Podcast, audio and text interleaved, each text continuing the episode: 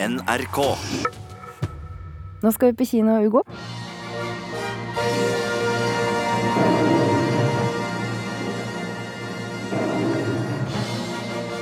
Vekker det minner, det løvebrølet? Ja, man hører så vidt dette løvrullet, men jeg hører det. Hører det. Og det kan bli enda mer av slike brøl når 100 år med kinomonopol i hovedstaden blir brutt. Altså Offisielt har jo monopolet vært borte i mange år, men nå kommer det for alvor en real kommersiell konkurrent til det som er etterkommeren av den kommunale kinoen Oslo Kinematografer. Så det lades opp til kinokonkurranse om å ha det beste tilbudet for publikum, mens en professor vi har snakket med, lurer på om det blir mer mangfold eller kanskje enfold. Vi får konkurranse for første gang mellom to bedrifter, kinobedrifter i samme by. Det er- skjer jo ikke i Norge, hvor man har vært vant til å ha store kommunale eh, kinomonopoler.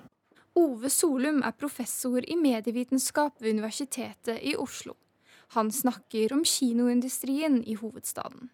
Torsdag åpner nemlig Odeon kino i Oslo, og 100 år med kinomonopol i hovedstaden er over. Både Odeon og Nordisk Filmkino er nå etablert i samme by. Så konkurransen blir sannsynligvis ganske hard, fordi at tilskuertallet, publikumstallet i Norge, har vært ganske stabil i de siste årene. Og spørsmålet er om, om taket er nådd, eller om det går an å løfte taket noe. Det vil tiden vise.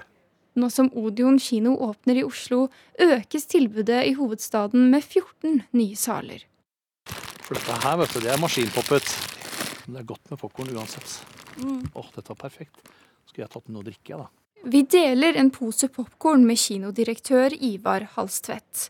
Etter to år med bygging sitter vi i den største kinosalen, med Norges eneste Imax-skjerm. IMAX er verdens største filmformat, hvor alt innhold det er, vises er i 4K bildeoppløsning. Han håper kinoen blir en attraksjon på Østlandet, og sammenligner det med da de åpnet kino i Sverige for to år siden. Og det vi så, det var at folk, når vi hadde kundeundersøkelser, så satt folk seg i bilen og kjørte én time for å se film i IMAX, for det var helt nytt. Og vi tror kanskje at det også kommer til å skje her, i, her i, på, på Odeon i Oslo, at folk kjører langveisfra for å få med seg filmene, og gjerne premierene, i IMAX. I andre enden av byen sitter administrerende direktør i Nordisk Filmkino Jannicke Haugen. Hva synes hun? Konkurranse er jo ingen tvil skjerpende. Eh, Så vi gleder oss nå til å egentlig komme i gang vi, eh, med å konkurrere, for dette har vi nå forberedt oss på en stund. Hun tror ikke den nye kinoen vil påvirke billettprisene. Jeg tror ikke det vil være noe utslag på verken filmrepertoar eller, eh, eller billettpriser. Eh, Vi får én kino til i Oslo, og det er selvfølgelig spennende. Men eh, det som da er, er at jeg tror det blir en enda bedre eh, kinoopplevelse. Nå har vi jobbet med å gjøre en, eh, kinoopplevelsen for gjestene våre så bra som mulig hver eneste dag. Men som jeg sier, konkurranse er skjerpende. Tilbake hos professor Solum sier han de største utfordringene for kinoene er strømmetjenester. Han frykter konkurransen i kinomarkedet ikke vil gi et bredere tilbud for de som velger å dra ut av stua og til kinosalen for å se film. Konkurranse kan bety at eh, de konkurrerer om det, de samme publikumsgruppene med likere filmer. Så konkurranse kan også ende opp med at eh, med ikke mangfold, men enfold. Er det bra eller dårlig at det da blir mer konkurranse i kinomarkedet? Vi får håpe at eh, det er bra. Vi får håpe at, eh, at eh, disse to selskapene har alle de ulike publikumsgruppene som faktisk finnes, i tankene. Så vi får bare krysse fingrene. Men jeg er jammen ikke sikker. sa professor eh, Ove Solum, som ble intervjuet av vår reporter Kristine Sterud, og så hørte vi også reporter Caroline Tolsen. Agnes Moxnes, kulturkommentator i NRK. To store kinokonsern, Odeon og Nordisk Film, er nå til stede i Oslo. Men er det mellom dem den virkelige konkurransen er? Nei, Jeg opplever det ikke sånn. Jeg opplever det som at dette her er kinoen, og ikke minst kinofilmens eh, konkurranse mot eh, TV-serier og strømmetjenester. Eh, Kinoen er rett og slett nødt til å lage et så attraktivt tilbud at folk forlater sofaen eh, og TV-en, går hjemmefra og går på, på kino. Og så viser det seg da, som vi hørte her også, at satsingen på spesialkinoer med helt spektakulære tekniske løsninger. Det fungerer. Folk kommer, reiser gjerne langt av gårde for å få med seg sånne opplevelser. Folk kommer, men hvor mange av dem kommer? Ja, det gjør det, og det er ø, egentlig interessant å se på hvor ø, stabilt kinobesøket er. For jeg tenker jo hele tiden nå faller kinobesøket. Nå er det TV-serien det snakkes om, og det handler om. Eh, Og det er jo sånn i Norge at snart alle har et- et Netflix-abonnement, men det er altså ganske stabilt. Og så langt eh, har faktisk i år så har faktisk kinobesøket gått opp. Og iallfall i Oslo så er, altså, det er det tre norske filmer som er på kinotoppen akkurat nå, med over 50 av markedsandelen. Og da snakker vi om Utøya-filmen, Per Fugelli-filmen, altså to Erik Poppe-filmer, og norske byggeklosser. Luktefilmen kom på 60-tallet, så kom 3D, nå 4DX i Maxino. Du snakket om eh, nye tekniske løsninger. Nå er det jo mange som mener at den analoge filmen var langt skarpere og bedre og mer fargerik, men glem det. Er det slike tekniske fiffigheter, vinservering og uendelig store mengder med godteri og popkorn som skal lykkes med å nå få enda flere til å komme? Når det gjelder de tekniske nyvinningene, så er det helt sikkert. Når det gjelder liksom den kommersielle biten, eh, så har jeg noen betenkeligheter. For det, hvis, den, kom- hvis det kommersielle blir for påtrengende, da har kinoen et problem. Og i Oslo så er det sånn nå at det tar altså reklame og forfilmer for andre filmer tar nå nesten 20 minutter av den tiden du, du er i kinosalen. Og, går, eh, og, og hvis man går ofte på kino, så blir man rett og slett lei av den eh, reklamen. Eh, og så er det altså sånn at eh, hvis du, en kinobillett koster et sted mellom 100 og 150 kroner. Hvis du skal ha med deg familien, så blir det kjempedyrt. Og så vet vi at et, et strømmeabonnement det koster i underkant av, av 100 kroner, og der slipper du reklamen. Så her er kinoen rett og slett nødt til å gå litt i seg selv. Reportasjen vår sluttet med det store spørsmålet fra eksperten der. Blir det mer mangfold, eller blir det enfold? Og det har jo også vært debatten i de byene hvor eh, kommunene har solgt sine gamle kinematografer. Sist nå f.eks. i Bergen, men også i Oslo da det skjedde. Hva er ditt svar? Ja, altså I Norge så har det jo vært eh, tradisjonelle, det tradisjonelle at kommunene har eid kinoene. Ki- eh, Kinoene har vært en enorm melkekur rett og slett for norske kommuner. Blant annet så ble jo Munch-museet bygget på be- eh, penger fra, fra kinobesøk.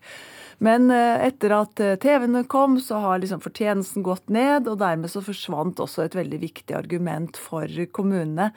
Men det er på en måte ingenting som tyder på at bredden i repertoaret er blitt smalere med private eiere. Det har alltid vært et ønske om større bredde. Det var det før, og det er det nå også, bare at nå kan man få de smaleste filmene på eh, eh, TV-en i stua di. Vil det være en plass for det sære, det lille, kanskje en privat kunstkino som er i ferd med å åpne i Oslo, eller filmklubber, cinemateker, 70 mm-festivaler? Ja, Det er jeg helt sikker på at det der aparte eller det spesielle, det er det plass til. Det er folk interessert i. Og vi ser jo da f.eks. i Oslo at eh, mat- og filmmannen Jan Vardøen har sikret seg gamle, en gammel eh, Oslo kino, Frogner kino, og skal gjøre det til et opplevelsessted for folk med spesielle interesser. Agnes Moxnes, takk skal du ha.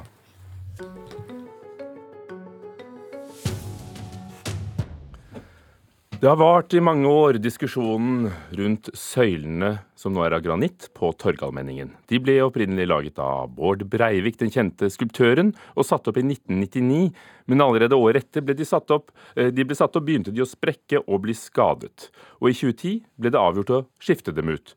Og nå skriver Bergens Tidende om hva som skal settes opp i stedet. Og hå blir det, kulturreporter Kristine Sterud? Jo, de her granittsøylene skal byttes ut med stålsøyler. Og disse stålkonstruksjonene er spesiallaga i Kina.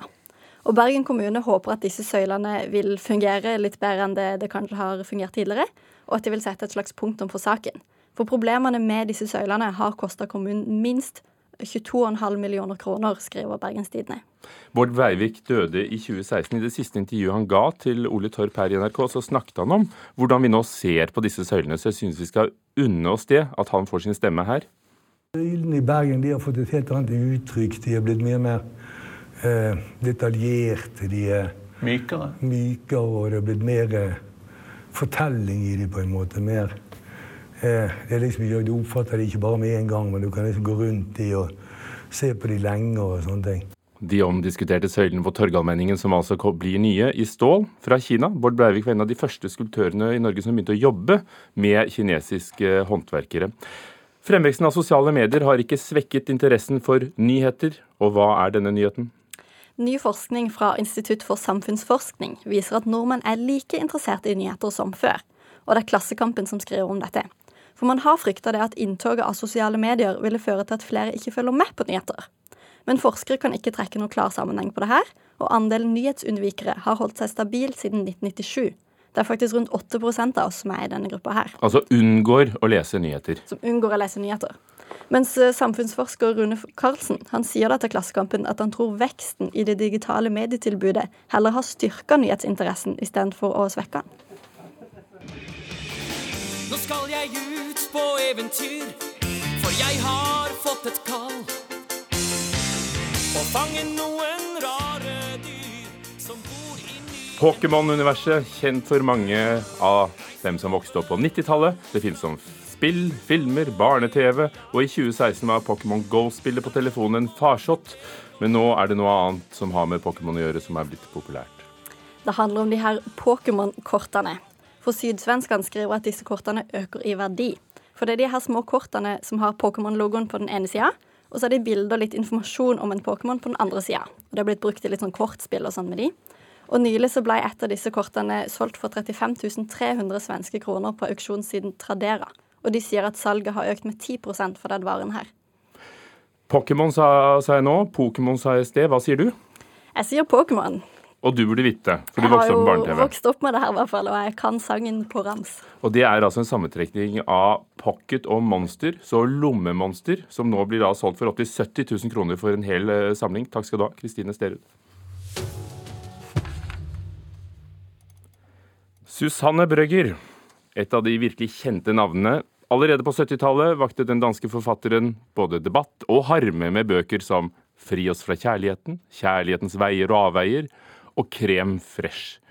Det er lenge siden hun ø, ble utgitt på norsk, og hun var litt sår selv, fortalte hun til Nitimen sist lørdag. Jeg tenkte bare, hvorfor kan jeg ikke udkomme i Norge mere? Jeg, øh, der gik 20 år, hvor øh, jeg ikke havde nogen forlægger i Norge, mens jeg fortsat udkom i Danmark og Sverige. Men hvad var der sket med Norge, eller hvad var der sket med mig? Jeg vidste det ikke. Men nå er det bøtet på, for Susanne Brøgger er ute på norsk med boken 'Omelette norvégienne'. Og ikke bare er det en dessert, det ligger jo noe i navnet om at det handler om oss, og hva slags bok er dette? Litteraturkritiker Marta Norheim. Ja, det er jo ei bok om eh, Norge, vi som bor her, naturen vår, folkelynnet osv. på brei basis. Eh, vi kan jo begynne med tittelen, altså. 'Omelette norvégienne'. Altså, det er ikke en typisk norsk rett, det er jo en eh, fransk, ganske sofistikert rett. Innbakt is med marengs. Ja, ja, men det er ikke fordi at vi er kalde i hjertet, har hun presisert. Men jeg tror hun faller for litt sånn elegante vrier. Hun er jo en elegant og storslått eh, og aldri grå type, så det er jo bare rett og riktig at hun ikke kaller han for raspekaker eller brunost, som jo kanskje er noe vi eter mer i Norge enn akkurat den eh, omeletten. Og det var forlegger Erling Kagge som oppfordret henne til å skrive denne boken. Hun takket ja. Hva lykkes hun med? Ja, eh, altså hun er nesten best når hun, når hun er den subjektive forfatteren hun er kjent for å være, som liksom eh, tar inn og observerer og reflekterer og bruker det store, breie eh, kunnskapsmaterialet som hun sitter inne med. Hun er jo en svært kunnskapsrik eh, dame. Eh, men, og hun ser da at vi eh, lever høyt på ideer om bærekraftig utvikling, samtidig som vi forbruker mer energi enn enn de fleste i verden. Hun er mm, god når hun eh, tar på seg roller som eldre vis kvinne. Her er det mye å lære for alle som har tenkt å bli eh, gamle.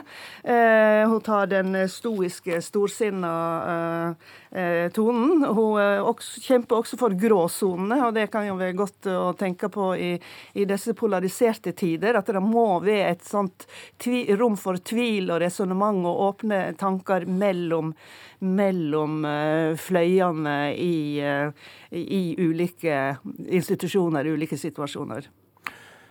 Hva er det eh, da Susanne Brøgger ikke har, har vært så heldig med?